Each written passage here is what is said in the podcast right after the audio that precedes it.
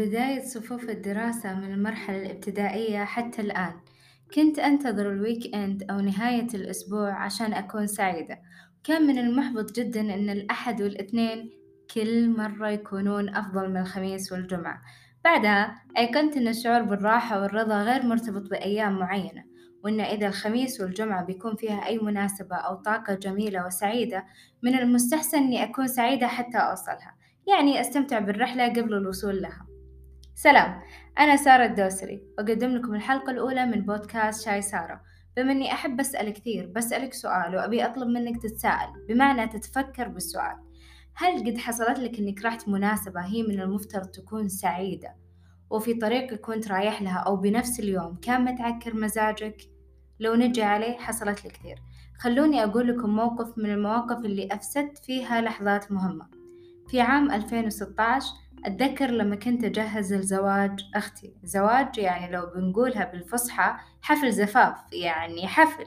يعني إيش المشاعر والطاقة العالية اللي من المفترض يحصل فيها أو من الطبيعي يكون فيها؟ شعور بالسعادة المرح الضحك. بس إيش اللي حصل؟ كنت متحمسة جدا أو كنت أعتقد إني متحمسة. أنا وقتها للأسف كنت قلقة بس ما كنت فاهمة مشاعري وقتها كويس. طبعا مشوها لي من هالناحية. كثير كنت أحاول أفهم نفسي بس كنت أفشل في هذا الجانب للأسف خصوصا أنها كانت آه، في بداية المراهقة. المهم من المضحك المبكي من الموضوع من شدة قلقي وأن شكلي ما راح يكون عاجبني أفسدت اللحظات على نفسي. ليه؟ لأني أبي كل شيء perfect وأهملت أو نسيت القيمة الحقيقية للحفل نفسه. كنت كل مرة يحطون لي فيها ميك أب أمسحه لأني مو مقتنعة أو راضية فيه. كان الكل يقول لي خلاص حلو كل شيء تمام كل شيء perfect وأنا مو قاعدة أرد على أحد. اللي أتذكره إني كنت كل شوي أمسح الميك أب بعدين أرجع أحط ميك أب جديد. كل مرة بكل مرة أسوي كذا. ممكن صارت ثلاث مرات. لما بدأ الزواج هل كنت مبسوطة؟ لا طبعا. لأن من كثر الدموع والنفسية الغير مستقرة اللي أنا خلقتها لنفسي خرب شكل زيادة. عيوني انتفخت وصارت حمرة يعني زدت الطين بلة لأن نكدت على نفسي من البداية بدل ما أكون راضية ومستمتعة لتجهيز المناسبة السعيدة حتى يعني يجي يوم المناسبة هذه وكل شيء يكون مجهزت له كويس. لكن للأسف كنت معصبة. وطول الوقت زي لما تقولون لما نقول بالعامية خلاص يعني إذا قفلت قفلت يعني المزاج ما عاد بيتعدل طيب تخيل لو وقتها هديت وقعدت أفكر وين الغلط بالضبط وعدلت عليه وكملت استمتاع. حتى توصل اللحظات اللي أنا أنتظرها. يعني كان مثلا الروج أو الآيلاينر مش كويس أمسحه وأعدل عليه وأنا رايقة وأنا مستمتعة وأنا أغني لأن ال vibe أو الأجواء المفروض إنها تكون جميلة. لكن اللي يصير إني أنا كنت مرة عندي طاقة غضب وكنت مرة قلقانة ونسيت أصلا إنه هو هي حفلة في الأخير يعني المفروض إني أنا أكون مبسوطة. فقدان اللحظة ما فادني إلا بشغلة واحدة إنه خلى عيوني تنتفخ من الصياح والدموع. كان أي أحد يسألني عن وجهي كنت أقولهم إني حزينة على أختي يعني ما أخذتها عذر. طيب بسم الله ترى هي بتروح مع شريك حياتها يعني ما راح تروح مع عصابة المافيا. أنا ما كنت مستقرة نفسيا أصلا. هنا أيقنت وتعلمت إني أستمتع في طريقي للسعادة وبالعكس إذا رضيت وهديت وكان فكري صافي راح أنقذ الموقف وأبدل أفكار من السلبية إلى الإيجابية. ودايركتلي أو بشكل مباشر مشاعري بتكون إيجابية وتحمل كل الفرح والسرور والسعادة والعكس صحيح. من الآخر واللي أبغى أوصله منها أو, أو يعني أوصله من هالنقطة لا تنكد على نفسك بنفسك في الأخير أنت اللي بتعيش هالطاقة السلبية وممكن تنشرها بعد تصنع لك ذكرى سيئة. لحظة لحظة لحظة ترى ما خلصت. هذه فقط مقدمة لشيء بسيط وشيء صغير لكن خلوني أقول لكم الكارثة. أوكي؟ تدرون المشكلة الأكبر؟ إنه لما نفقد الاستمتاع بالرحلات الطويلة هي بتاخذ منك وقت. هل راح تطول الوقت زيادة عليك أو إنك بتقرر تستمتع لين توصل؟ يعني لونج تيرم خطط طويلة أو مثل يعني عندك هدف إنك تنجزه في العمل أو في دراستك هل من الطبيعي إنك كل يوم وأنت رايح للمكان هذا يا أما إنك تتدمر؟ مثلا من زحمة الطريق أو تحمل نفسك هم آه الروحة هذه أو تستبق الأحداث وتقول لا أكيد اليوم بيكون سيء لأن المدير أو المديرة كان كذا أو لأن عندي الاختبار الفلاني أو أو أو المادة الفلانية أو لأن عندي برزنتيشن أو لأن عندي هذا المشروع أو لأن كل مرة في يوم الثلاثاء مثلا يكون سيء.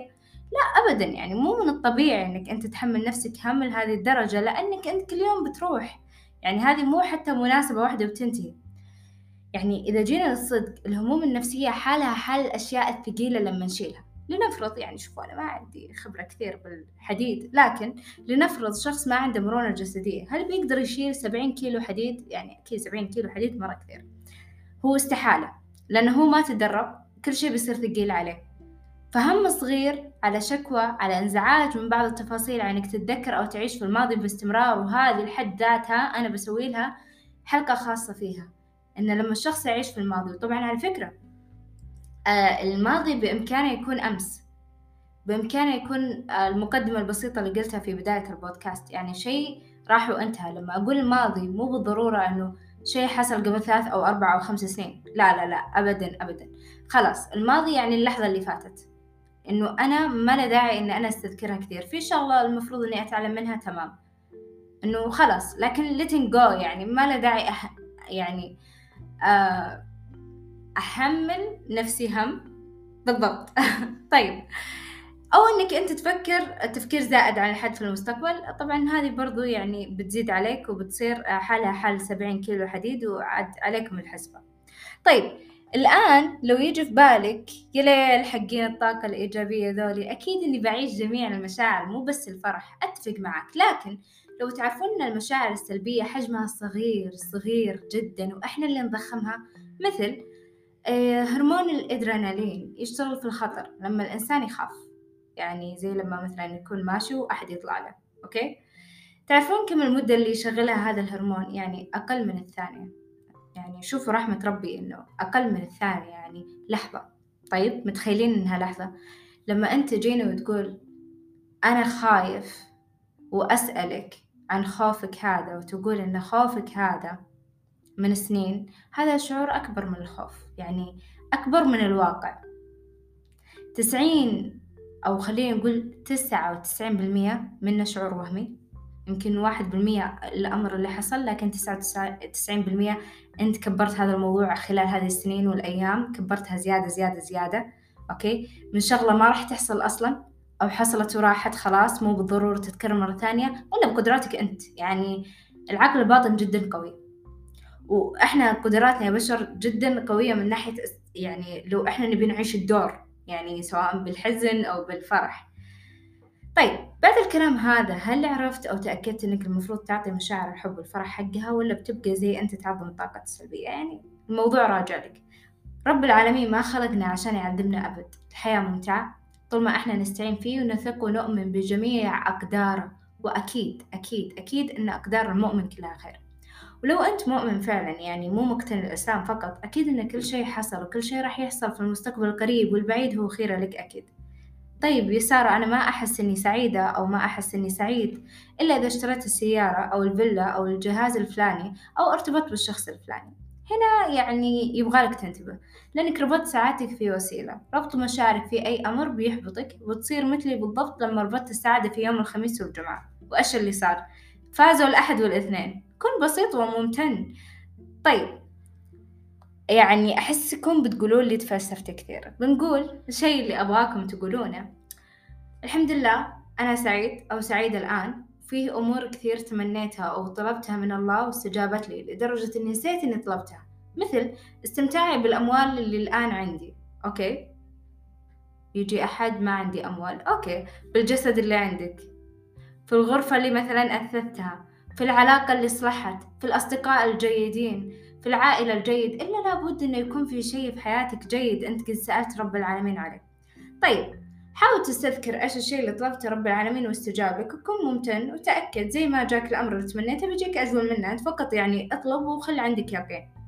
وخلوني أقول لكم شيء مرة مهم. يعني خلوني أذكركم إنه جميعكم بلا استثناء أنت اللي تسمعني الآن عندك نعم لا تعد ولا تحصى. ولا وفوق هذا كلها يعني الشيء الأجمل والشيء الأروع أن أنت ما قد طلبتها أصلا وغيرك يطلبها. في أشياء جتك زي لما نقول بالعامية باردة مبردة هل قد طلبت ربي يطلبك قلب سليم؟ يعني يعني ما قد فكرت فيها ممكن.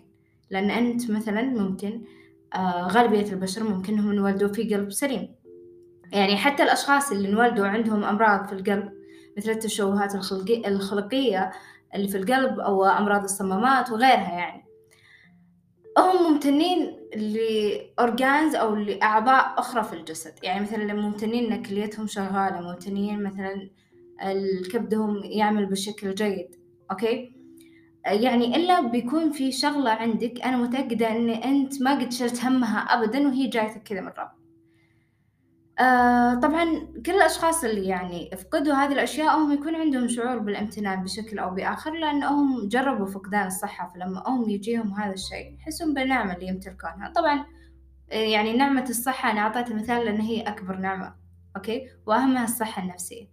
لكن برضو آه يعني أكيد في أشياء أخرى إحنا ممتنين لوجودها مثل وجود آه نعمة مثلا العائلة أو نعمة الصديق الجيد أو نعمة العمل أو ال business الناجح. آه أو نعمة التوفيق في الدراسة آه وخلوني أذكركم في أمر بسيط جدا لكنه يعني في غاية الأهمية مرات نطلب الله أمر ونلح بالدعاء وممكن الأمر يستمر لسنوات وما يحصل في نفس الوقت هل تعتقد بأن الله أراد أنه يأخر لك بلا سبب؟ لا ولكنه يعلم أنه ما يناسبك الآن طيب إيش الحل؟ هل أطلب الله وأنتظر؟ ممكن ممكن إنك تبدأ تصلح لنفسك مثل أن رب العالمين يأخر عليك الإنجاب لأن وحده يعلم أنك غير مؤهل الآن. حاول تكون مؤهل. حاول تستعد نفسيا وماديا لهذا الأمر. خذ دورات في كيف أنك تربي طفل. مثلا استعد ماديا لهذا الطفل. جهز له مكان في البيت. ابحث عن المشكلة الصحية اللي عندك. يعني كن مستعد. يعني لو الآن أنت رزقت بهذا الطفل مثلا اللي أنت تتمناه لنفرض أنه رجل أو أنثى أو امرأة يعني إيش ما كان الوضع يتمنون أنهم يعني يجيهم طفل. أنت عيش الدور أنه خلاص أنت مو سألت رب العالمين عيش الدور أن هذا الطفل آه لو الآن جاك الآن يعني خلاص أنه صار في مثلا حمل.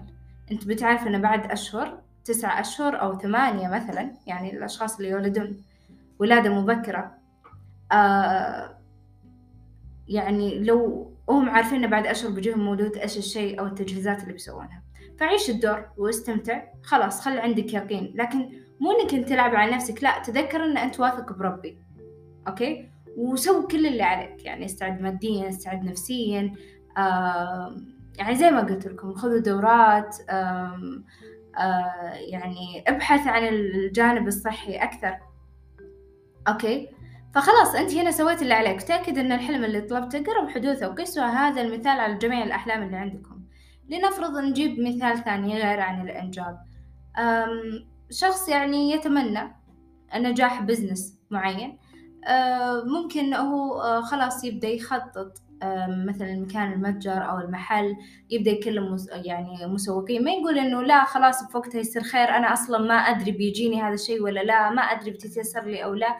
يعني أنت حرك هي أنت أنا دائما أقول الشخص يرمي نفسه من البداية والأمور هي بتتيسر له. يرمي نفسه مع يقين خلاص هي بتتيسر. يعني أنت خاطر لكن بيقين وبقلب جامد. حتى إذا صارت لك بعض الوعكات هي ممكن تكون اختبار لك من الله. يعني يبي يشوف إن أنت فعلا عندك يقين فيه ولا بتقول لا لا لا لا خلاص أنا قايل من البداية هذا الأمر ما راح يكون لي. فأنت يبغالك تكون متفائل أكثر من كذا. ويعني وابدا لا تقولون أنا ما عندي حلم لأن الأحلام هي راح تشحنك. هي البنزين في هذه الحياة هي الأمل. ولولا وجود الأحلام ولولا وجود الأمل لعشنا حياة مملة ما لها أي قيمة. أخيرا الحمد لله حتى يرضى وإذا رضى وبعد الرضا.